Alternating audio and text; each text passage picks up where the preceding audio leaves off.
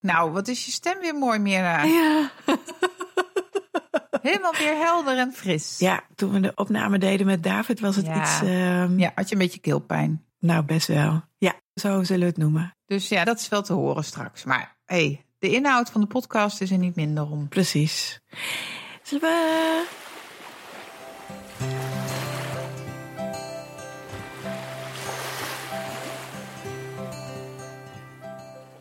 Welkom bij het Verloskundig Baken, de podcast die een podium geeft aan innovatie en vernieuwing in de geboortezorg. Ik ben Kirsten Schatzier. En ik ben Mirna Knol. Nou, we gaan het vandaag hebben over eh, schaalgrootte. En er wordt natuurlijk vaak gedacht, hoe groter de organisatie, hoe efficiënter de zorg gegeven kan worden, hoe meer er gebruik gemaakt kan worden voor mensen en middelen, kennis en expertise, misschien beter door een grotere volume. Geld, hè? Ja, Eh, wordt gezegd, centralisatie helpt om de zorgkosten naar beneden te brengen. Ja, Maar is dat ook echt zo? we hebben David Baden als gast eh, vandaag in onze podcast. En hij is spoedeisende hulparts en voorzitter van de Vereniging van Spoedeisende Hulpartsen. Mhm. Hij timmert al zo her en der aan de weg, omdat hij toch ook misschien wel een andere mening is toebedeeld. Nou, en hij niet alleen. Nee, zeker, zeker. Ik denk dat dat ook gezegd mag worden. Ja, we kunnen hem heel veel gaan vragen. Ja, en hij was ook eh, als toehoorder aanwezig in een webinar dat georganiseerd is door eh Serum, ook over dit onderwerp. Ja. En dat was echt een internationaal webinar. Dus in dat opzicht zie je dat er op internationaal niveau al een beetje wat sceptisch gedacht wordt over dat schaalgrootte nooit groot genoeg kan zijn. Laat het zo maar eh, zeggen. Ja, Maar goed, wij gaan eh, met hem in gesprek. zeker. Levert dat kwaliteit van zorg op of lever je juist in omdat je bijvoorbeeld langere reistijd hebt? En moeten we juist zeggen, we moeten gaan spreiden van algemene ziekenhuizen? Precies. Ik ben wel benieuwd of het ook zo kan zijn dat centraliseren natuurlijk, dat groter worden, ben je dan niet te groot? Snap je? Ja, eigenlijk denk ik hetzelfde. Kan je het vertalen voor de kraamzorg of voor een verloskundige Ja, praktijk? Precies. En kan je als praktijk te groot zijn? Ik heb geen idee. Ja, Ik vind het wel interessant om te bedenken van, goh, kunnen we dat gaan vertalen? ja. Leuk om ook juist met iemand uit een andere tak van sport dan de geboortezorg hierover te praten. ja, dat vind ik echt super top. Leuk dat hij daar bereid toe is. Ja, En dit is de laatste aflevering voor onze kerstvakantie. ja, Ook wij hebben natuurlijk even een winterbreak nodig, jongens. ja. Even opladen. We hebben alweer superleuke ideeën. Er zit van alles in, de, in het vat en in de pijplijn. Ja, de eerste leuke opname hebben we al gedaan, hè? Ja, precies. maar we moeten heel even los kunnen laten. Dus in februari komen er weer eh, eh, nieuwe afleveringen. Want het is best pittig. Ik denk dat het ook gezegd mag worden, toch? Jawel. Ik bedoel, iedere twee weken, we moeten gasten regelen. We moeten de voorbespreking, de opname, het editen, wat echt eh, zo eh 10 tot 15 uur tijd kost. Hè, om het echt zo mooi mogelijk te laten klinken. En dan het nalaten luisteren natuurlijk door gasten, et cetera. Ja, reageren op reacties, wat we heel erg leuk vinden. Exact. Maar goed, iedere twee weken. Ja, dat klopt. Dus even een break. Als je denkt van, oh, ik ga die meiden echt super erg missen. Mhm. We hebben natuurlijk een enorme database. Misschien heb je er eentje nog gemist. Dan is daar ook tijd voor om die terug te luisteren. Mhm. En als je tijdens het luisteren denkt, oh, dat onderwerp, dat is ook wel wat voor verloskundig baken. Ja. Nou, kom maar op. Toch? We hebben al een poosje niet meer om gevraagd, hè? Nee, want we hadden nog een lijstje. Een lijstje. Maar dat mag aangevuld worden. Hè? Je noemt het een lijstje. Ja, nee, maar goed. En als wij door willen, Ja. dan hebben we wel steun nodig. Ja. Op financieel vlak en leuke reacties, dat geeft ons Mhm. ook heel veel steun. Maar dat financiële vlak zou toch wel echt super handig zijn?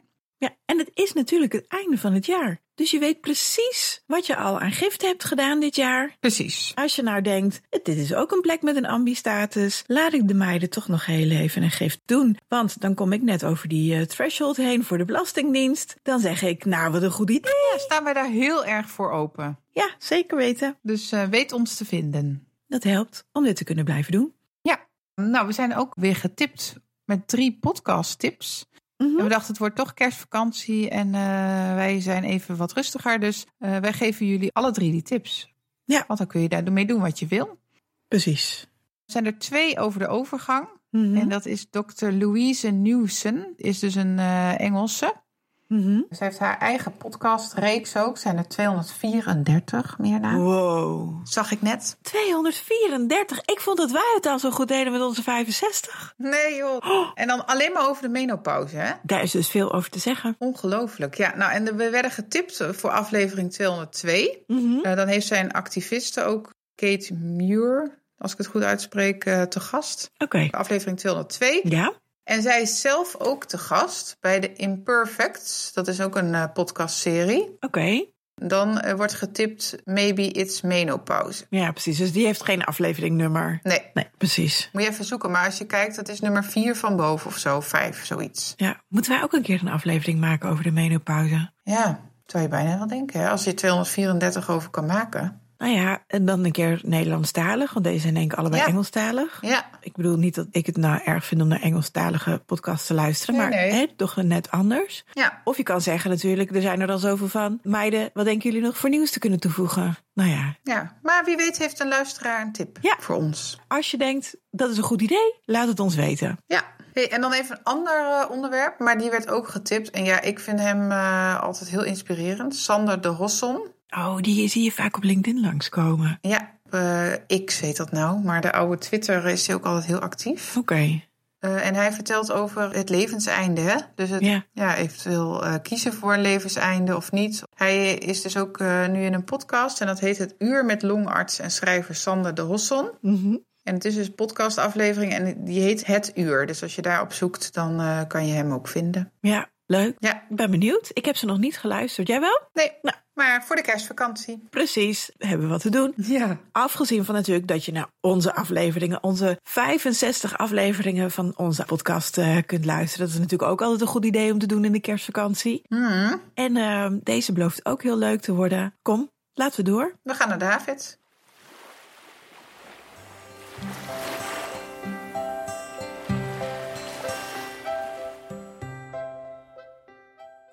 Schaalgrootte gaan we het over hebben. Ja. We hebben een gast, David Baden, en die weet daar heel veel van. David, welkom. Zou je jezelf voor willen stellen? Ja, dankjewel voor de uitnodiging. Ik ben David Baden, spoedeisende hulparts eh, in Utrecht. eh, en daarnaast eh, voorzitter van de Nederlandse Vereniging van uh, spoedeisende hulparts. Mooi. En we hebben altijd voor onze gasten onze eerste vraag, hè, Mirna? Onze allereerste vraag is namelijk die: hoe ben je voor het eerst met de geboortezorg in aanraking gekomen? Ja, dat is wel een interessante vraag.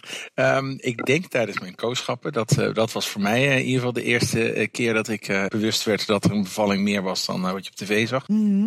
En daarnaast ben ben ik nu vader van drie kinderen, waarvan de jongste eh, vier maanden is. Dus Oh. in die zin heb ik ook privé ervaring met geboortezorg. Ja, Nog recente ervaring met geboortezorg Nou. zelfs, ja. mooi. We gaan het hebben over schaalgrootte. Iets waar eh, in de spoedeisende hulp en de SCA's en eh, nou, al dat stuk ehm, veel over gezegd wordt. Maar ook waarin eh, in de verloskunde veel gezegd wordt. En vaak hebben deze twee afdelingen veel met elkaar te maken als je het hebt over centraliseren van zorg en schaalgrootte en dergelijke. Maar waarom wordt daar eigenlijk over nagedacht om eh, te verschuiven in zorg en na te denken over hoe gecentraliseerd je de zorg moet verlenen? Wat denk jij? Ja, dat is een goeie. Waarom, waarom wordt op deze oplossing gezocht? Ja. Het, het probleem is denk ik vooral is dat we eigenlijk natuurlijk al jaren zien dat alles wat met zorg te maken heeft, het steeds drukker wordt voor ons allemaal. Mhm. Eh, zorgkosten blijven stijgen en we Mhm. hebben een personeelstekort. En ergens daaronder ligt natuurlijk ook wel dat als het heel druk is, je ook problemen gaat krijgen met je kwaliteit. Mhm. En dat zien, het is redelijk goed onderzocht voor de acute zorg, voor de spoedeisende hulpen. Dat je ziet als je overmatige drukte hebt, oftewel crowding in het eh, Engels. Dan zie je ook dat je kwaliteit van zorg eigenlijk al slechter wordt voordat je het echt te druk is. Dus iemand die bijvoorbeeld vier uur op een spoedeisende hulp ligt, heeft een slechtere uitkomst van zorg dan iemand die twee uur ligt. Nou ja, en hoe drukker het is, hoe langer mensen liggen. Dus ik denk dat dat een beetje de oorzaak is. is dat er wordt nagedacht over kunnen we het dan anders doen. Ja. ja, en kennelijk is de oplossing die we dan altijd zoeken, is schaalvergroting. Waarom, en waarom is dat dan? Ja, dat blijft mij ook een beetje verbazen. We weten bijvoorbeeld, nou ja, de, de scholen, hè, we hebben natuurlijk de mammoetwet gekregen. Op een gegeven moment moesten we het allemaal groter maken. En we moesten schaal vergroten, want dat Ja. zou efficiënt zijn. En wat we hebben gezien is dat scholen eigenlijk helemaal niet zo efficiënt zijn. En dat eigenlijk die menselijke maat die we dan verliezen, die we allemaal wel kunnen ruiken, eigenlijk dat dat gebeurt, dat het daarmee slechter wordt. En toch is de zorg, die altijd een beetje achteraan alle economische gedachten daarin werkt. Hè, want wij, de zorg bedenken we altijd pas tien jaar nadat het in de economie en de bedrijven is bedacht dat iets hip is. Dan komt de zorg eens een keer achteraan ge- gekacheld.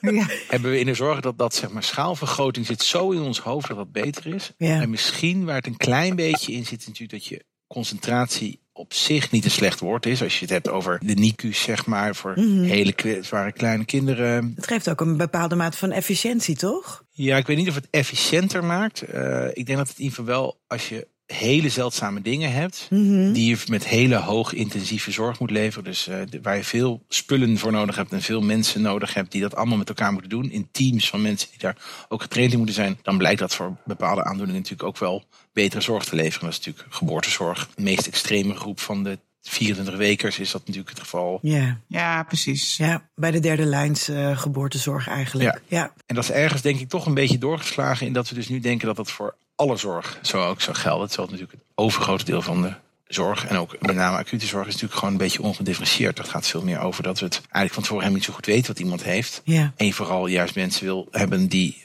breed blijven kijken. Ja. En dat denk ik ook eigenlijk in de geboortezorg zo. Dat natuurlijk heel veel geboortezorg gewoon niet meteen eh, gelukkig een NICU nodig is. Maar dan heb je gewoon mensen nodig die de algemene problemen kunnen oplossen. Ja. ja. Nou ja, en wat je ook graag dan in de buurt wil hebben, toch? En bij een bekend iemand. Ja. Als je kijkt naar de aflevering die we net eh, recent gemaakt hebben over continuïteit van zorgverleners. Precies. Maar er gaan met regelmaat gaan er afdelingen dicht of ziekenhuizen. Ja. Er wordt nagedacht over profielkeuze van ziekenhuizen. Het is wel een hele sterke beweging die zeg maar voor die schaalgrootte, schaalvergroting op die andere plekken dan zorgt. Is het erg? Ja, ik denk het wel. En ik denk dat meteen waarom het gebeurt en, en waarom het erg is, zeg maar. Ehm, ik, ik denk dat het erg is omdat je, wat je net zegt, dat je verliest continuïteit van zorg.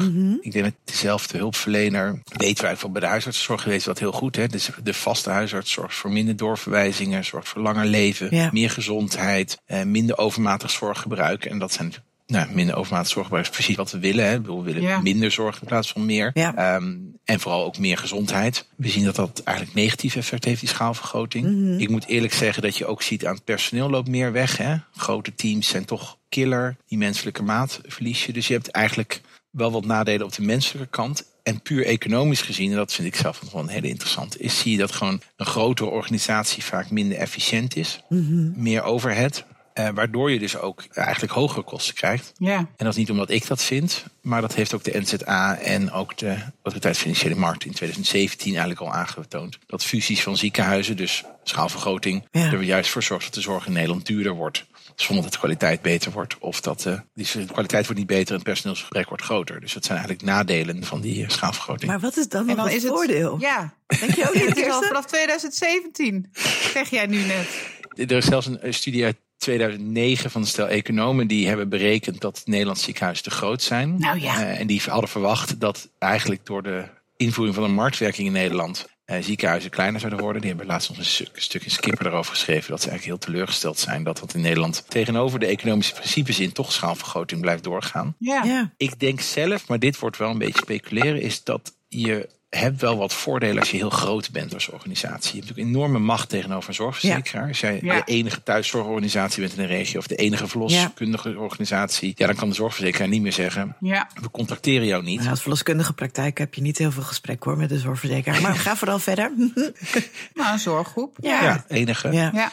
En vaak wat je ook ziet, je hebt toch ook wel wat voordelen in je ziekenhuis. Je kan ineens in je eentje een, eh, een, een, weet ik veel, een dure apparatuur bekostigen. Dus je Ja. kan meer dure zorg gaan leveren. Ja. Wat weer meer winst oplevert. Of jij kan een hele goede inkoper inhuren. Want ja, je bent Groot. een grote organisatie. Ja, maar dan zijn het dus eigenlijk ook allemaal economische principes die juist die schaalvergroting in de hand werken. Maar daarvoor hoef je dat toch niet per se op één locatie te doen? Oh nee, dan ga je natuurlijk de ACM eh, Ja. op je dak krijgen. Dat je hè, met verschillende. Dat je meerdere klein Ja. ziekenhuizen hebt bijvoorbeeld. Ja. Ja. Zou dat efficiënt en... en Maar ja, daar lijkt kan je wel die dure inkoper eh, voor aannemen. Dat klopt. Oké, Nou ja, wat ik vooral heftig vind, wat jij zegt, hè, we hebben het over personeelstekort, enorme tekorten. Ja. Iedereen roept van, eh, we moeten dat, dan, dan maar op één hoop. En, en jij zegt eigenlijk van, joh, hè, de menselijke maat, het werken in een klein team, je collega's goed kennen, weten hoe je, hè, Mhm. dat zorgt voor veel meer werkplezier. En daarmee houden we dat personeel juist vast. eigenlijk is het gewoon een hele domme zet. Ja,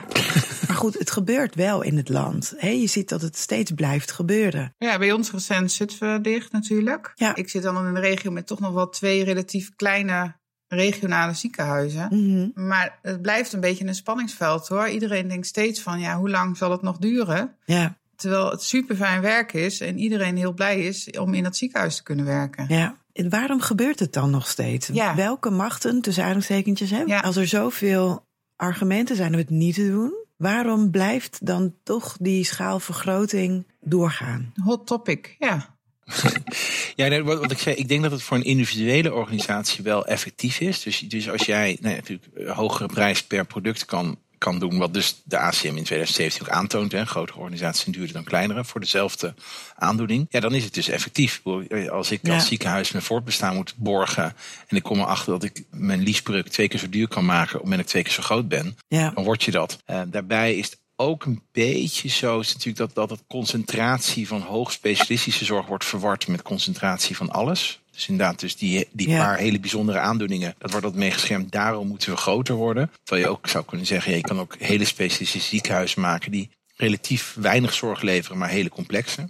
Ja. En dat is op zich interessant dat in Amerika bijvoorbeeld eh, bestaat het Shock Trauma Centrum. Dat is een ziekenhuis voor eh, grote auto-ongelukken in Baltimore. Die zien maar 9000 patiënten per jaar. Nou, dan denk je dat is echt heel weinig. Maar die zien wel 9000 van de allerziekste patiënten. Dus die zien alleen maar hele grote ongelukken. ja. Maar die kunnen alleen dat. Voor de rest kunnen ze geen enkele andere type patiënt moet daar komen. Als je gebroken benen hebt, moet je vooral niet daar zijn. Nee. Als je helemaal in de kreukels ligt, kunnen ze dat supergoed. Heel klein team, klein ziekenhuisje. En dat is niet hoe we in Nederland denken. In Nederland denken we als je een groot eh multitraumacentrum moet hebben, dan moet je dus ook heel groot worden. Dat Ja. is wel, die ziekenhuizen worden steeds groter en groter en groter. ja. Die machten werken ook daartegen. Dus ja, mijn voorstel zou ook zijn, probeer dat een beetje tegen te gaan. Is dat dan niet ook omdat je denkt van ja, zo vaak gebeurt zo'n eh, groot iets niet. Stel, je zou zo'nzelfde ziekenhuis in Baltimore zou je hier neerzetten. En zo vaak gebeurt dat niet. En wat is dat team dan al die tijd daartussenin aan het doen? Ja, die staan al stil bij wijze van Die staan dan spreken. stil, die zitten dan een beetje duimen te draaien. En dat wordt er ook vaak eh, toch wel eh, benoemd. Is dat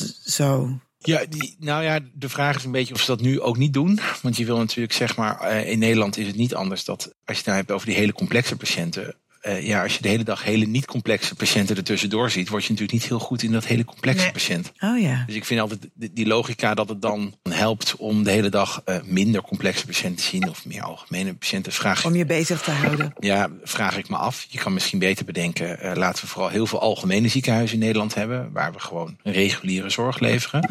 Wat niet betekent dat het niet complex is, maar wel minder materiaal en mensintensief. En maar een heel beperkt aantal hele hoogcomplexe ziekenhuizen die nou ja, dus de hele dag hele complexe zorg doen. Ja, En die hele complexe zorg kost vaak ook gewoon veel meer tijd. Ik bedoel, ja, eh, Ja. nee, dat, Dat is gewoon zo. 24 weken opvangen is natuurlijk heel anders dan een eh, Ja. 41 weken opvangen die lekker volgroeit en eh, na één minuut al begint te huilen en aan de worst ligt. Zeg maar. Dat is natuurlijk totaal, qua arbeidsintensiviteit is het ook een totaal andere wereld. Ja. Ja, nee, dat is absoluut waar. we zien het ook wel op LinkedIn bijvoorbeeld. Jij, jij zegt hier wel vaak wat over. Nou, daarom ben je natuurlijk ook nu te gast. Hoe voelt het voor jou dat, dat dit hè, iets is wat, eh, wat de hogere machten, dus laat maar zeggen, steeds tegenhouden? Maar wat jij gewoon wil prediken, laat maar zeggen, en zeggen van jongens, het moet anders. Denk je dat als we dat met z'n allen inzien, dat, het, dat we dan nog kunnen kenteren, laat maar zeggen? Dat we nog de boel kunnen verschuiven? Of is dit wel echt iets heel groots wat Is de lijn te veel ingezet die niet meer... ja, niet meer terug te draaien? Ja, dat, dat hangt er natuurlijk van af of we eh, nog eh, ziekenhuizen en daarmee dus het landschap eromheen overeind houden. Kijk, voordat iedereen denkt, je hebt het alleen maar over de ziekenhuizen. Kijk, die ziekenhuizen zijn onderdeel van een ecosysteem of van een, van een netwerk van, van andere mensen eromheen. Dus zeg maar, als eerste lijns verloskundige heb je een ziekenhuis uiteindelijk nodig om te kunnen Ja. draineren. Mhm. Zeker. Als je geboortezorg doet. Ja. Ehm, en als we dus dat ziekenhuis verdwijnen, is niet dat dat ziekenhuis zo essentieel is voor mij, maar het systeem eromheen, de huisarts, de verloskundige, al die eerste lijns, de ambu. Als dat allemaal gaat draineren op één heel groot ziekenhuis, ja, dan verdwijnen die infrastructuren en dan is het moeilijk om dat nog terug te brengen. Ja. Ja, Ik voel me soms een beetje roepen in de woestijn. Dan denk ik net, hey, iedereen begrijpt het. En dan zie je een politicus roepen, ja, het is belangrijk dat de algemene ziekenhuizen blijven bestaan. En dan roepen ze daarna, maar we moeten wel concentreren. Dan denk ik, oh, nee, dit was precies niet waar we het over hebben. We moeten eigenlijk dus niet naar schaalvergroting streven, juist naar spreiding streven. Streven naar ziekenhuizen met 250 300 bedden. En dat is echt kleiner dan, dan de meeste ziekenhuizen op dit moment.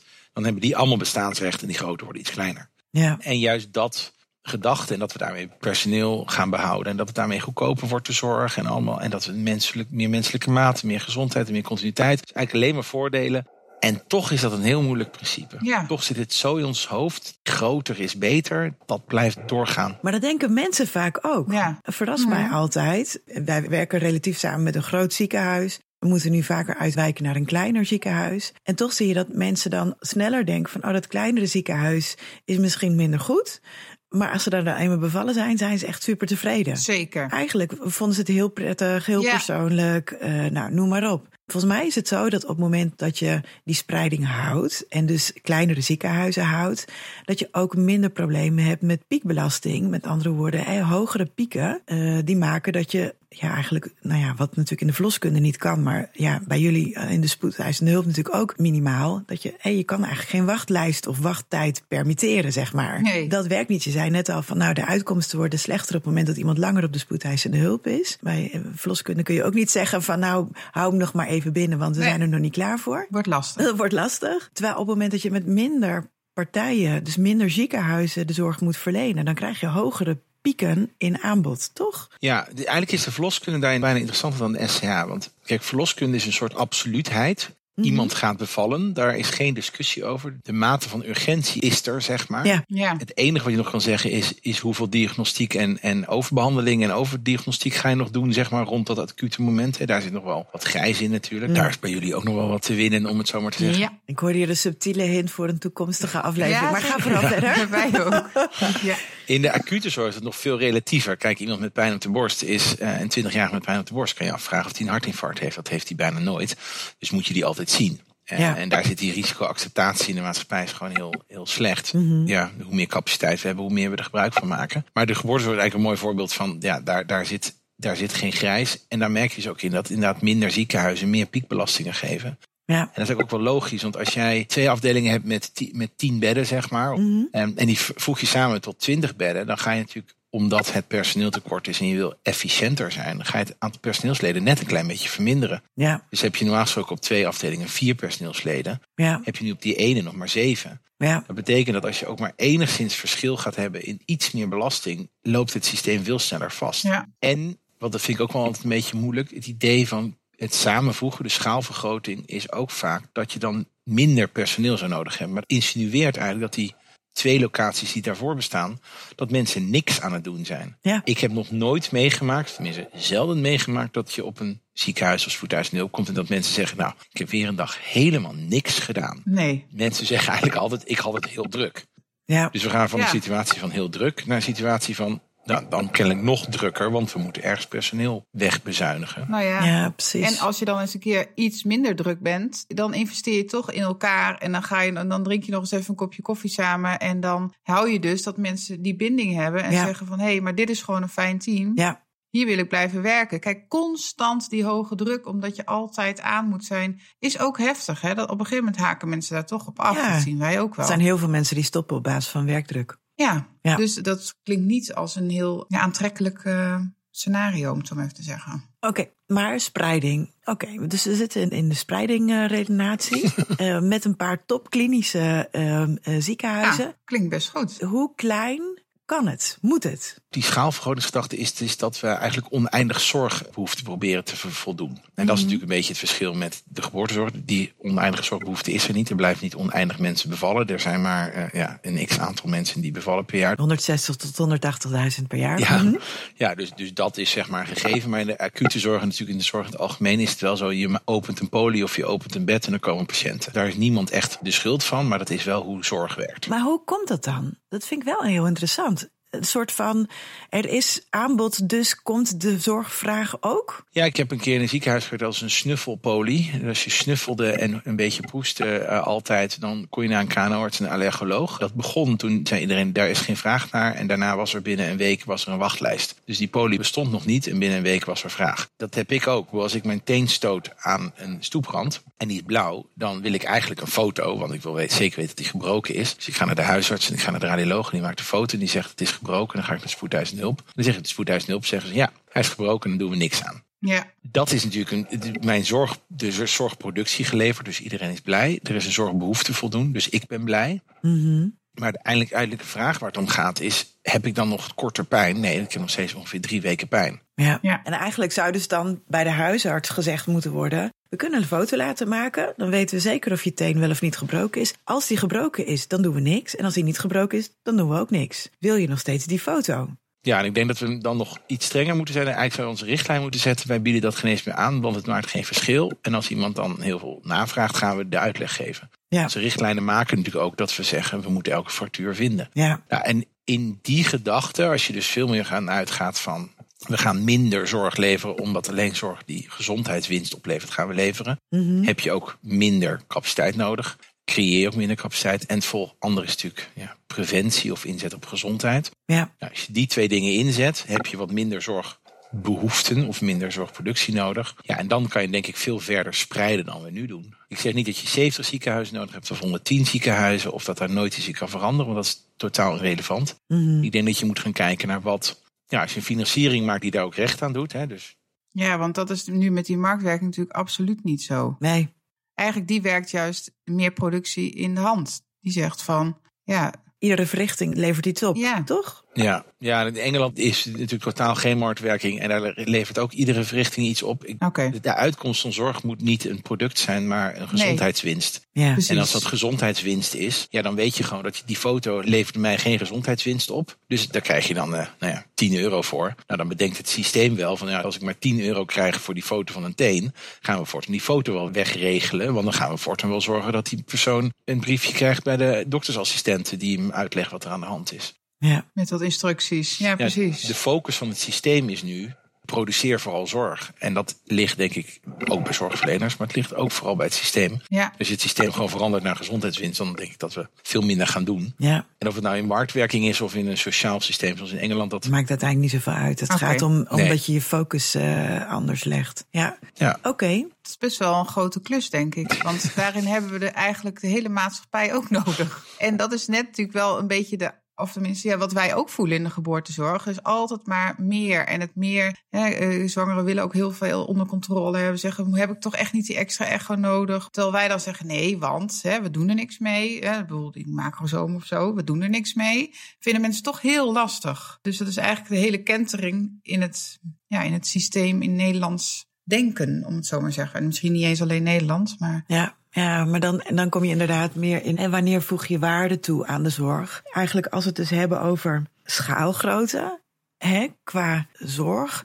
Ik probeer weer even te, terug. Meestal is mijn taak om een samenvatting eh, Ja, te creëren. Dus ik probeer even de samenvatting. Dan, dan zeg je dus eigenlijk: schaalvergroting levert voor de hoogcomplexe mensen daadwerkelijk wat op. Maar voor de gewone eh, zorgvragende mensen eigenlijk niet. En dan eh, is spreiding gunstiger, want dan heb je minder wachttijd in een ziekenhuis. En hoe langer je wachttijd is, hoe minder gunstig de uitkomst van je zorg. En zeg je eigenlijk ook, het is niet efficiënter, specifiek dus. Want personeel stopt eerder, eh, gaat eerder weg, omdat ze, nou ja, dat heb jij niet gezegd, maar dat heb ik gezegd, hogere werkdruk hebben. En daarnaast zie je dat het dus ook niet beter is qua kosten. Want grote organisaties vaak meer geld kosten. En dus uiteindelijk niet betere uitkomst van zorg geeft. En het heeft impact op de omliggende organisaties. ja niet hele. Dit, is grappig. Nu, Ja, ik, het is daarom- altijd interessant als je deze term hebt. Concentratie van zorg. Dus als je zeg maar hele hoge specialistische zorg in een centrum brengt, waar je dus een team krijgt van mensen die het goed kunnen brengen, dan heeft het effect. Maar je zegt het voor hoogcomplex zorg is schaalvergroting is ook niet effectief. Want als jij eh, dus een heel groot centrum krijgt, maar een beperkt aantal hoogcomplexe patiënten ziet, omdat je zo'n heel groot sleepnet eigenlijk alles naar je toe trekt, ja, krijg je juist kwaliteitsverlies. In alle gevallen gaat het over de optimale schaal. Dus ook Ja. bij eh, grote auto-ongelukken wil je dat er een team staat van mensen die eigenlijk niks anders doen dan de hele dag hele complexe patiënten. Ja. En die moeten juist geen schaalvergroting hebben. Nee, die moeten concentratie van een paar. Dus of je concentreert eigenlijk op de patiënt. Dus auto-ongeluk is het type patiënt concentreer je. Mhm. Nou, dan wil je een team van mensen die dat relatief in een goed formaat doet. Met een relatief behapbaar team. ja, zoals bij de NICU. Mhm. Ja, of je concentreert meer op de type zorg wat je levert. En dat is zeg maar dus in een algemeen ziekenhuis ongedifferentieerde zorg Ja. voor de gemiddelde patiënt. Waarbij het juist die algemene ziekenhuizentaak is ook van... hé, hey, deze patiënt is afwijkend en is hoogcomplex. Stabiliseren en doorplaatsen. en weg. Ja. ja. Ja. Die functie hebben we nu zoek. Eh, Ja. In die Ja. zin is de geboortezorg daarna, zeg maar, na de geboorte eigenlijk al redelijk goed georganiseerd. Het is niet alsof we in elk ziekenhuis... ehm, Ja, maar ik denk tijdens de zwangerschap ook al wel hoor. Want dan heb je uiteindelijk ook eh, de OAC voor de zwangere, waar je zo'nzelfde soort, eh, soort functie hebt. Dus eigenlijk moeten we het niet hebben over schaalvergroting, dacht ik nog terwijl je dit aan het zeggen was, maar schaaloptimalisatie. Nou, mooi meer nou hoor. Ja, toch? Mooie samenvatting, Ja, zeker. Maar het probleem is natuurlijk dat vaak de ene afdeling de ander meetrekt. Want dat wordt dan vaak gezegd. Ja. Ja, we krijgen ons rooster niet meer rond. Sorry, maar de afdeling moet dicht. En dan gaat de ene afdeling dicht. En dan is er niet meer genoeg om de OK-personeel bezig te houden. Dus dan gaat de andere afdeling ook dicht. Het begint of bij de spoedeisende hulp, voor mijn gevoel, of bij de acute verloskunde door de bank genomen. ja. Hoe voorkomen we dat dan? Dus door te gaan kijken naar moeten we in plaats van de kleinere samenvoegen tot één grote, misschien moeten we de grotere eh, verspreiden over de kleinere. Ja, Ehm, als jij twee locaties hebt waarbij de ene 30 mensen werken en de andere 10, misschien moet je dan bedenken, misschien kunnen die van die 30 10 wel vanaf. ja, En verplaatsen we ook een deel van de patiënten mee om op twee locaties 20 mensen te hebben. En misschien werkt dat veel effectiever. En dat is ook verschil tussen efficiëntie en effectiviteit. Wat mij betreft hoeft de zorg niet efficiënt te zijn, maar wel effectief te zijn. ja, Effectief in het creëren van gezondheid. Je ziet het ook bijna bij alle gevallen waarbij er wordt schaalvergroting geconcentreerd. Dan zie je ook dat er heel veel personeel verloren gaat. ja. Mensen willen geen 30 kilometer rijden om naar een volgende werkplek te gaan. nee. Nee, Zeker niet als er overal werk is. Hè. precies. Precies, je kan zoiets anders gaan doen. Wat geen eh, onregelmatige uren, belachelijke werkdruk, et cetera geeft. Oké, Nou, gaan we nou allemaal ambassadeur worden ja, schaaloptimalisatie? precies. Lijkt mij eh, goed streven. Ja, toch? Ja, Ja. Het lastige alleen altijd met het woord schaaloptimalisatie is, is dat ze ook zeggen dat je schaal optimaliseert als je heel groot wordt. Dus ik probeer er toch altijd ergens een soort woord te verzinnen. Oh ja. Worstel er ook mee, Ja. denk ik, de schaaloptimalisatie. Maar het, is, het, het zit een beetje in, ja, in die economische optimale schaal. Inderdaad, dat er gewoon een, er is een curve. Ja. Ja. En er is aan de onderkant schijnt het kennelijk nog wel mee te vallen. Eigenlijk is het niet zozeer te snel dat het iets te klein is. Ja, behalve als je een bed hebt, weet ik veel, één bed in een ziekenhuis, dan kan iedereen begrijpen Ja. dat dat echt te klein is. Ja. Maar eigenlijk aan de grote kant begint dat relatief snel te gebeuren. Maar je bent dus eigenlijk niet zo snel te klein. Dat is, vind ik wel even een opsteken voor al die hele kleine organisaties. Nee, de, de bewijs, en dat eh, is ook een artikel wat we denk ik in de show notes nog wel zetten, Time to Pause. Ik dacht altijd dat hij ook te klein kon zijn, dat dat heel snel was. Maar dat blijkt eigenlijk mee te vallen. Eh, en dat de meeste kleine organisaties zich toch zichzelf wel om een bepaalde kwaliteit te houden en kwalitatief goede mensen. Dat zit zo diep in het DNA van zorgverleners Ja. dat we dat wel voor elkaar krijgen. Ja. En je zou zelfs nog kunnen zeggen, als je echt zorgen maakt, nou ja, goed, het eh, een ziekenhuis ziet heel weinig acuut zieke patiënten. Probeer wat personeel te wisselen in plaats van de organisaties uit te kleden. Dus je kan ook zeggen, de hele grote SCH, waar heel veel hoogcomplexe patiënten komen, wisselt personeel uit met die spoedeisende hulp, die wat minder complexe patiënten ziet. Ja. Eh, op die manier zou je ook nog een beetje van elkaar kunnen wisselen. En blijf je allemaal op de hoogte en vind je het misschien allemaal ook nog wel leuk Ja. om op bijlocaties te werken. Ja, ja, precies. Nou, Nou, ik vind het echt wel weer interessant om met je te praten hierover, eh, David. En gewoon nou, het even weer te herframen van, oh ja, waar ligt inderdaad de klemtoon? Ja. En we willen eigenlijk allemaal met elkaar gezondheid. En we willen met elkaar de, de beste uitkomsten. En we hebben te maken met problemen die op ons afkomen. De grotere zorgvraag, personeelstekort, et cetera. Het dus niet denken in de gangbare wegen, namelijk, nou ja, zoals dat eh, in het verleden altijd gebeurde, naar steeds groter, groter, groter is het dus eigenlijk misschien wel interessant om eh, die tegenbeweging te gaan maken. ja. En na te gaan denken over spreiding en specialisatie. Op die manier de zorg organiseren. Goed en betaalbaar te houden. Ja, Ja. juist om op die manier inderdaad de zorg betaalbaar te houden. Ja, Ja. ja. Nou, Heb je nog iets waarvan je denkt, oh, maar dat hebben jullie nog niet gevraagd? Dat wil ik eigenlijk ook nog zeggen. Eh heb je nog nabranders? Ik wil altijd nog heel veel zeggen, dus ik kan niet uitgepraat raken over dit onderwerp. Ja. Maar ik denk nee, volgens mij hebben we de, de belangrijkste thema's meer dan besproken. Dus ik denk dat het. eh, en er is heel veel over dit onderwerp bekend. Dat is ook wel interessant. En er is ook heel veel goede literatuur over die eigenlijk dit ook wel onderbouwt voordat mensen denken. Het is maar iets wat hij vindt. nee, precies. Zullen we dat inderdaad in de show notes zetten? goed. Misschien wat linkjes naar Ja. nou, ook voor dat artikel wat je net noemde. Dat het ook onderbouwd is wat je daarin eh, benoemt. Precies. Belangrijk. Ja. Nou, mooi. Dankjewel. Ik denk, ga door, ga door. ja, Nou, dat denk ik ook. Dat Ja. denk ik ook. Ja, Eh, graag gedaan. We doen het samen. Dus het is vooral belangrijk om dit samen te blijven doen. precies. yes.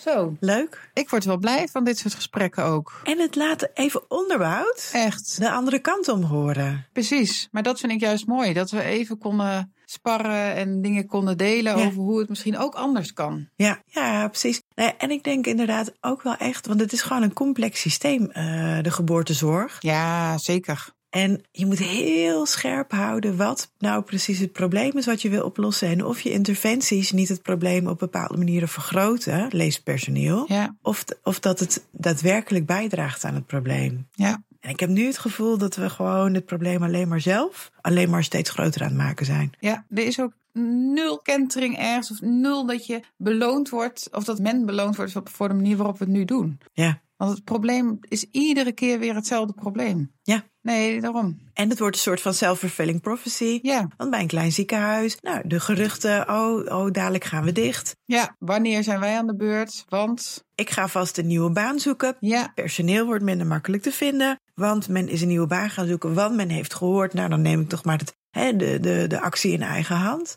Terwijl uiteindelijk ben je daarmee een soort van self-fulfilling prophecy aan het maken, die er helemaal niet hoeft te zijn.